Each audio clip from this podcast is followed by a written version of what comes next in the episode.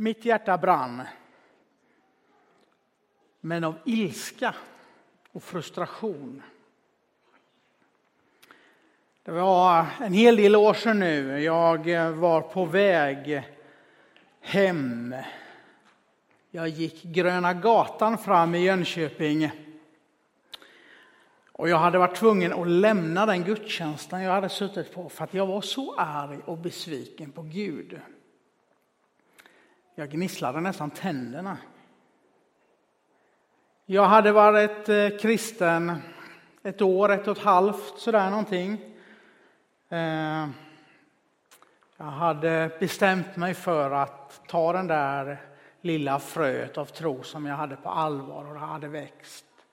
Men det var också en hel del böner i mitt liv och längtan som inte hade blivit bemötta. Så nu hade jag arbetat upp en riktig frustration och ilska. Och jag kunde inte sitta kvar på gudstjänsten utan jag gick hem. Jag var 18 år gammal, mitt på stan, eller mitt i Jönköping där jag var på väg hem. Då hände det. I bråkdelen av en sekund kändes det som om jag fick eh, se hela Guds härlighet. Eller åtminstone se och känna precis hur mycket Gud älskar mig. Älskar mig. Jag tror och jag är förvissad om att det var bara under en bråkdel, en tiondels, kanske en hundradels sekund. När jag blundar och tänker mig tillbaka så kan jag riktigt se liksom hur hela himlen öppnar sig över mig och Gud häller ner sin kärlek rakt in i mitt liv. Och det var så kort för att jag hade inte överlevt och stå ut med detta under längre tid. Jag brast i gråt där och då, storgrät jag mitt i Jönköping en 18-årig kille. Till det yttre ganska tuff har jag fått höra senare. Eh, och jag brydde mig inte det minsta om vem som såg mig. Det enda jag brydde mig om var att jag hade fått nos på att Gud älskar mig så mycket så jag bara stod ut en tiondel sekund. Risken med att berätta sådana här personliga vittnesbörd det är ju att någon sitter och tänker så där är det inte för mig. Eller någon av er sitter och längtar och tänker att precis så där ska det bli för mig.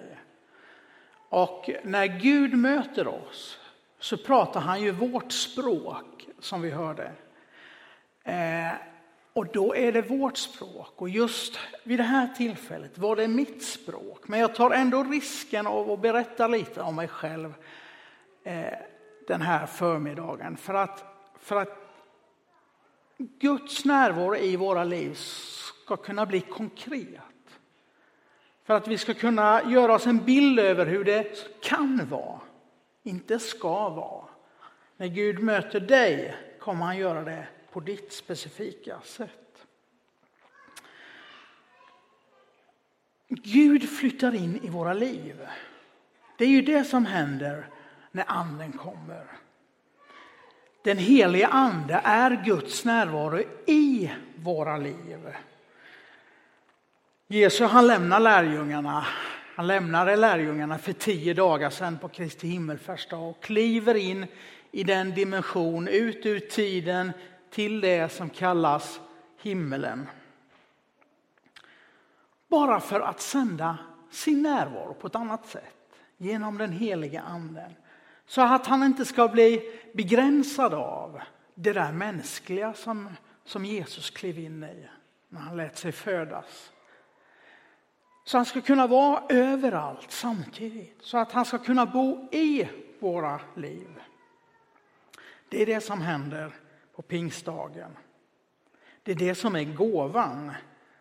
Strax efter den här texten som vi läste så börjar Petrus predika, berätta om Gud för människorna som samlades eh, och undrade vad det var som hände. Och han slutar hela den predikan med att säga Omvänd er alla och låt eh, döpas i Jesu Kristi namn så får ni förlåtelse för era synder. Då får ni den helige ande som en gåva. Den här gåvan är relationen med Gud. Att Gud flyttar in i våra liv. En ständigt pågående, nära, intim relation. Det är aldrig långt till Gud. Ibland pratar vi om att vi ska komma till Gud med våra liv, att vi ska komma till Gud med det och det och vi ber om Guds närvaro. Och egentligen, vi förstår ju kanske allihop vad vi menar, men egentligen så behöver Gud aldrig komma närmare oss, för han finns i våra liv. Han finns i dens liv som har tagit emot honom en gång. Där finns Jesus Kristus. Han underlättar vår eh, relation eh, genom kommunikationen. Gud, genom att bo i våra liv så kopplar han ihop, liksom länkar ihop sitt liv och vårt liv sin ande och vår ande. Våra tankar, våra känslor, vårt allra, allra djupaste kopplas ihop rätt in i Guds hjärta, in i Guds allra djupaste. Där djup ropar till djup. Så hålls den här relationen igång. Strax efter den här händelsen som jag berättade om så började det ta, liksom formas ord när jag bad. Jag hade hört talas om det där med tungotalat. Att tala ett språk som liksom, som liksom utnyttjar den där sammankopplingen mellan mitt hjärta och Guds hjärta på det bästa av sätt. Där, där jag kunde liksom koppla förbi en hel del av de funktionerna som jag använder i det andra språket. Eh vad det nu kan vara, intellekt, eh, grammatik, allt sånt där som man måste tänka på när man talar. Det där skulle jag kunna koppla bort på något sätt. Och så, och så dyker det upp, sakta men säkert, något litet ord i mitt sinne och jag tänker det är ju bara jag som hittar på. Och, och så tänker jag, ja, så what, om det nu bara är jag som hittar på så, så må det väl vara hänt. Och så uttrycker jag det där märkliga ordet i min bön till Gud. Och då liksom växer det fram ett ord till. Och jag väljer att uttrycka de här orden så som ett språk till Gud. Och så byggs det ett litet vokabulär av tungotal, något slags bönespråk som är till en stor tröst och en vila i intellektet och, och till hopp för mig i min relation med Gud. Thomas Sjödin sa för några år sedan när han var här och talade om, om den heliga ande och om tungotalet att det kanske är lite som ett skratt. Vi känner alla igen vad ett skratt gör med oss, men, men det är ganska märkligt. Vi skrattar alla på lite olika sätt och, eh, och vi vet inte exakt vad det innebär. Vi kan inte exakt tolka ett skratt, men det gör oss gott. Och jag tycker det var en väldigt, väldigt vacker bild på det som är tungotalet. Något som kan vara lite märkligt, nästan spooky när man pratar om det. Eh, jag tänker mig ibland att det skulle kunna vara som ett barns joller till sina föräldrar. Ett litet, litet barn som inte har lärt sig prata än kommunicerar ju, pratar ju ändå med sina föräldrar. En massa. Och föräldrarna blir alldeles själaglada. Och andra människor tycker också att det är ganska mysigt. Men det är inte det intellektuella språket, men det är ett språk. Det är någonting som jollras fram i kommunikation mellan far och son, mor och dotter, Gud och oss, oss och Gud.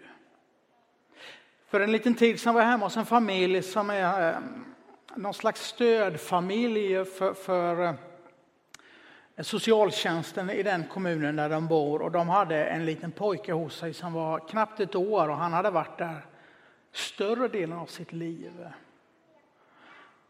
Eh, man hade upptäckt att föräldrarna inte kommunicerade med barnet och barnet hade slutat kommunicera tillbaks till föräldrarna. Och barnet blev sjukt av det här. Litet spädbarn kunde inte leva vidare i en relation med sina föräldrar när han inte fick kommunicera med dem. Och så fick man ta hjälp av en jourfamilj och placera barnet där. Och när jag besökte den där familjen så var det en underbar liten kille på ett knappt år som eh, mådde alldeles förfärligt bra och som kommunicerade en massa på sitt jollrande sätt. Bara för att han har kommit i en miljö där han kunde uttrycka sig, där hans sätt att uttrycka sig på togs emot av föräldrarna. Jag tror det är likadant med oss och vår relation till Gud. Att vi behöver hjälp för att kommunicera med Gud. Att vår ande och Guds ande behöver kopplas ihop. För det är svårt annars att nå in i sitt eget liv. Det är svårt annars att uttrycka det som, som verkligen kanske behöver uttryckas inför Gud. När jag läste boken Illusionen om Gud, God Delusion, jag tror det heter Illusionen om Gud på, på svenska, som är skriven av en känd ateistisk företrädare som, som beskriver eh, eh, drivande sin syn på, på världen utan Gud, så slog det mig när jag hade läst en stor del av boken att för mig låter det här som en färgblind människas försöka försöker att övertyga hela världen om att det där med färger, det är bara båg. Det är någonting du har hittat på. Det kan inte du uppleva. Det är bara, eh, ja, vad det nu är, påhitt. Eh, och från att varit ganska irriterad och arg på författaren så kände jag en stor sorg över en människas liv eh, som, som liksom där han inte kunde uppfatta den färgglada spektrumet som Gud har målat sitt, eh, sin skapelse med. Det här är ju förstås bara en metafor för liksom eh, hans oförmåga att förnimma eller vilja förnimma Gud.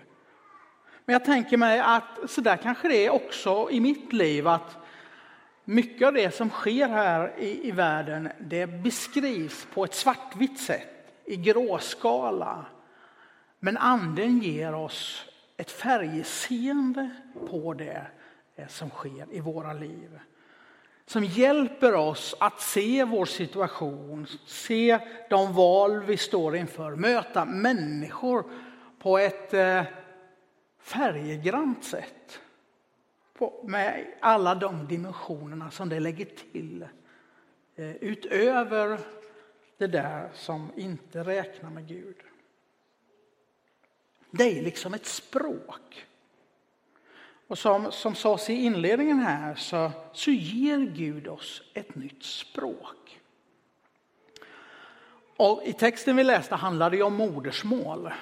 Mycket. Tungotal betyder egentligen bara språk eller modersmål. Och det är väl så viktigt. Det är så pass viktigt att vi tolkar åtminstone till ett annat språk här i vår gudstjänst för att fler ska förstå.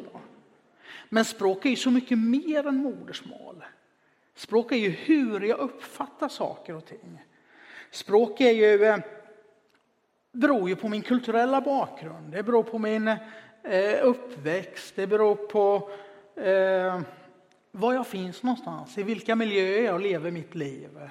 Olika människor i olika miljöer, i olika delar av vår värld, i olika delar av vårt land med olika umgängen talar på olika sätt. Och då är det ju eh, förstås eh, hela livets språk jag pratar om. Alltså. Vi använder olika metaforer, olika bilder eh, för att de betyder olika saker för oss.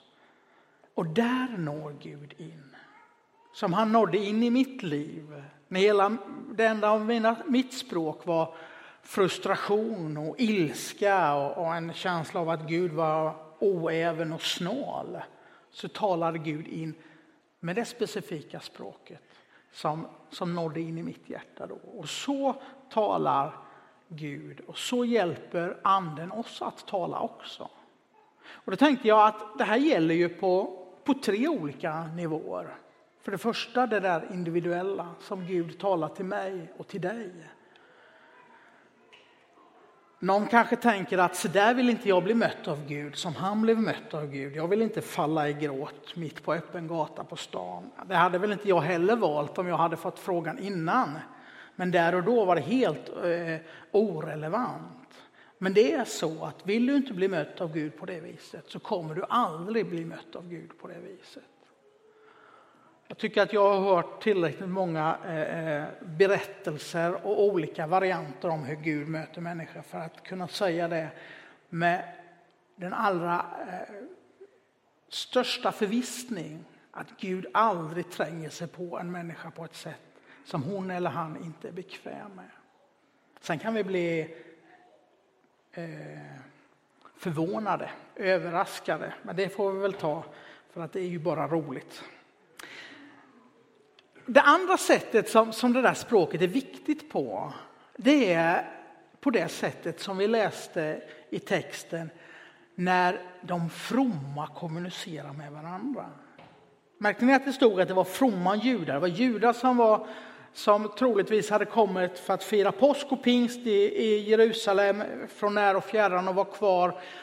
Eh, människor som sökte Gud, människor som ville vara nära. Gud, människor som var nyfikna på Guds löften, människor som hade väntat eh, under lång tid på alla de löften om Jesus Kristus eller den Messias, Guds närvaro som, som eh, Gamla testamentet talar om. De fick höra sitt språk talas. Och för de av oss som har varit i ett antal olika kyrkor genom åren, kanske i ett antal olika länder, så vet vi att det kan se väldigt olika ut. Det yttre, det kulturella. Evangeliet, det tror jag är relevant för precis alla människor, i alla tider, i alla kulturer. Och det kan finnas där och det kan bo där. Men vi människor, vi, eh, vi behöver kulturen för att uttrycka oss. Vi behöver ett språk. Och varje språk har sina tillkortakommanden och sina gränser. Vi behöver ett tonspråk i musiken. Vi behöver en liturgi, ett sätt att röra oss på. Eh, och det är varken kanske mer eller mindre gudomligt. Det är, det är det språket vi har till hands.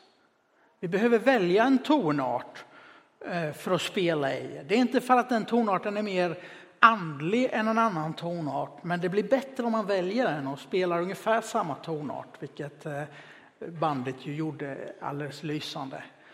Eh, när vi talar så behöver vi välja ett språk.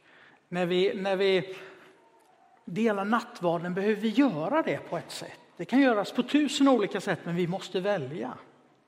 Och det är, det är så vi är kulturellt beskaffade som människor.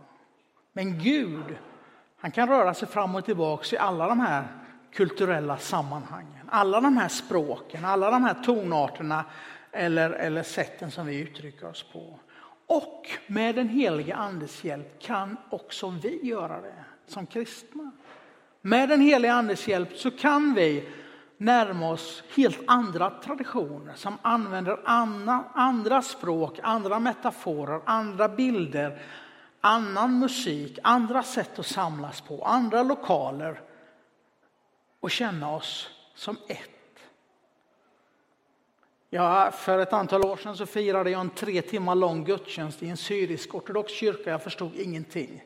Jag förstod att de pratade om Jesus ibland, jag förstod när de sjöng halleluja.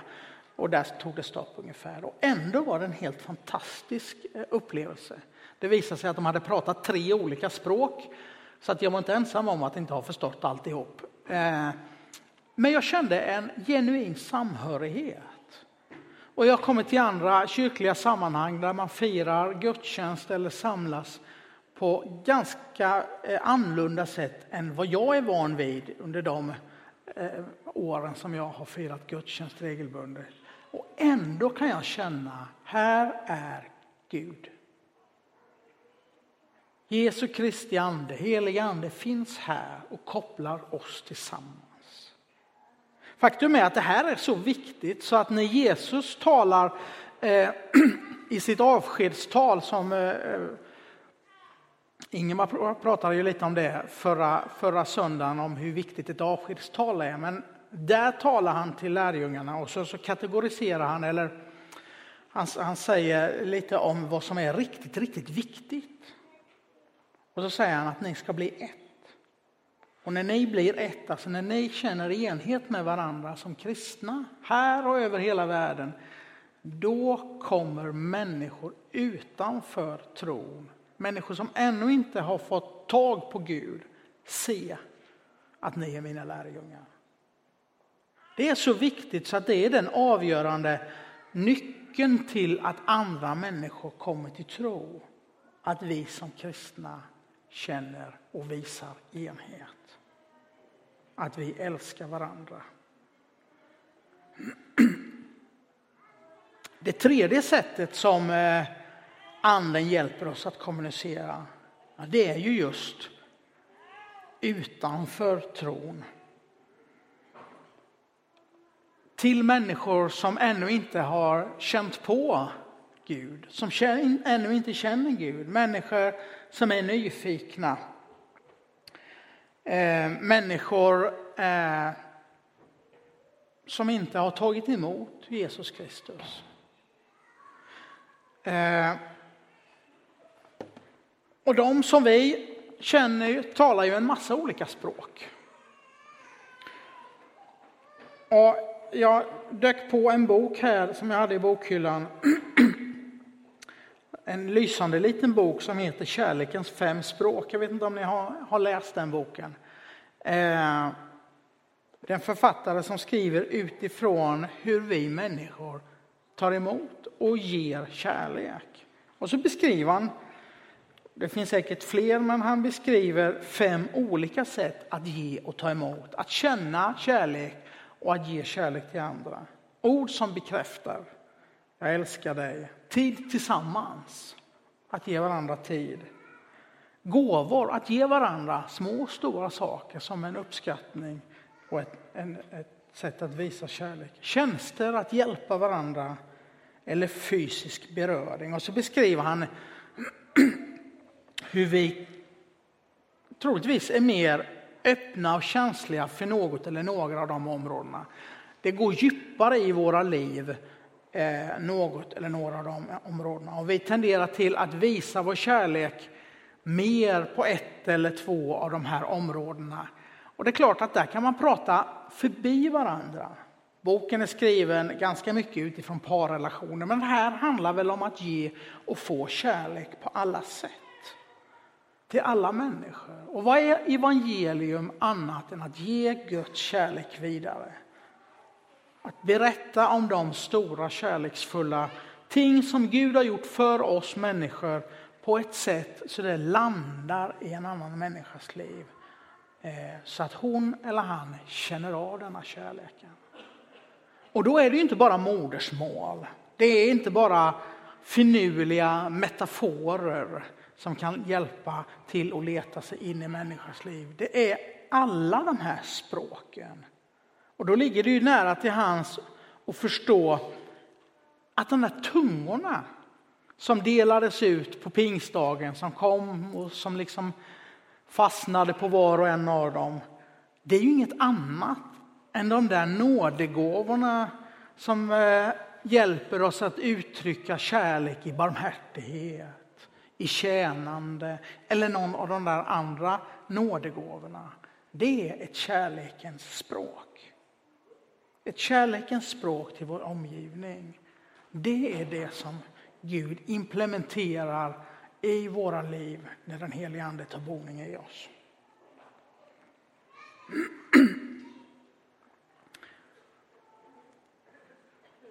Någon kanske tänker sig, eh, som jag har tänkt många gånger, men eh, det här kan jag ju inte leva upp till. Eller det här är jag inte värd. Eller det här är jag inte värdig. Och så är det. Och det är inte därför vi får Guds ande i våra liv. För att vi kan leva upp till det, för att vi är värdiga det, utan för att Gud vill ge det. För att Jesus har dött och uppstått och gjort vägen klar fram till Gud. Inte för att vi ska kunna närma oss Gud, utan för att han ska kunna bosätta sig i oss. Gud är helt nära. Men jag tror kanske inte tillräckligt mycket för detta. Jag tror inte, min tro är inte stark nog att kunna gå ut med, med evangeliet på på alla dessa olika sätt som man kan det med. Då slog det mig när jag pratade med en eh, ung tjej som pratade om som berättade att hon tyckte att det var svårt att tro ibland. Att man får ju komma ihåg att på Jesu tid så var det ju ganska många människor som hade ganska stor och stark tro. En grupp av dem var fariseerna. De visste mycket. De visste precis hur det skulle gå till. Bekymret var att det var deras starka tro på att de visste precis hur det skulle gå till som gjorde att de, många av dem missade Jesus helt och hållet. Och kanske är det så med vår starka tro också. Att vi inte ska stirras allt för blind på hur vi har tänkt att det ska bli. Jesus levde upp till alla gamla testamentets eh, eh, löften om vem han skulle vara, men eh, fariseerna de hade gjort sig en annan bild om hur det precis skulle vara. Och när han inte passade in i den bilden, då gick eh, Jesus dem förbi. Så att det är kanske inte så att det är din starka tro som är den främsta, den främsta tillgången när det gäller att ta emot anden. Snarare är det väl din längtan. Att vara nyfiken. För den som längtar har ögonen öppna. Den som är nyfiken har ögonen öppna och ser Jesus när han kommer och tar emot anden när den kommer. Jesus säger i en annan av eh, dagens kyrkotexter eh, från Johannes 7. Eh, på högtidens sista dag ställde sig Jesus upp och ropade Är du törstig så kom till mig och drick. Den som tror på mig, ur hans inre ska flyta strömmar av levande vatten. Detta sa han om anden, som de som trodde på honom skulle få. Du som är törstig, du som längtar, du som väntar, du som är nyfiken. Det är en stor tillgång. Alltså den heliga ande flyttar in i våra liv. Den heliga ande flyttar in Guds närvaro, Jesu Kristus in i våra liv. Det blir en källa till kraft, närhet, den ger nytt språk. Handen på hjärtat. Lägg handen på hjärtat.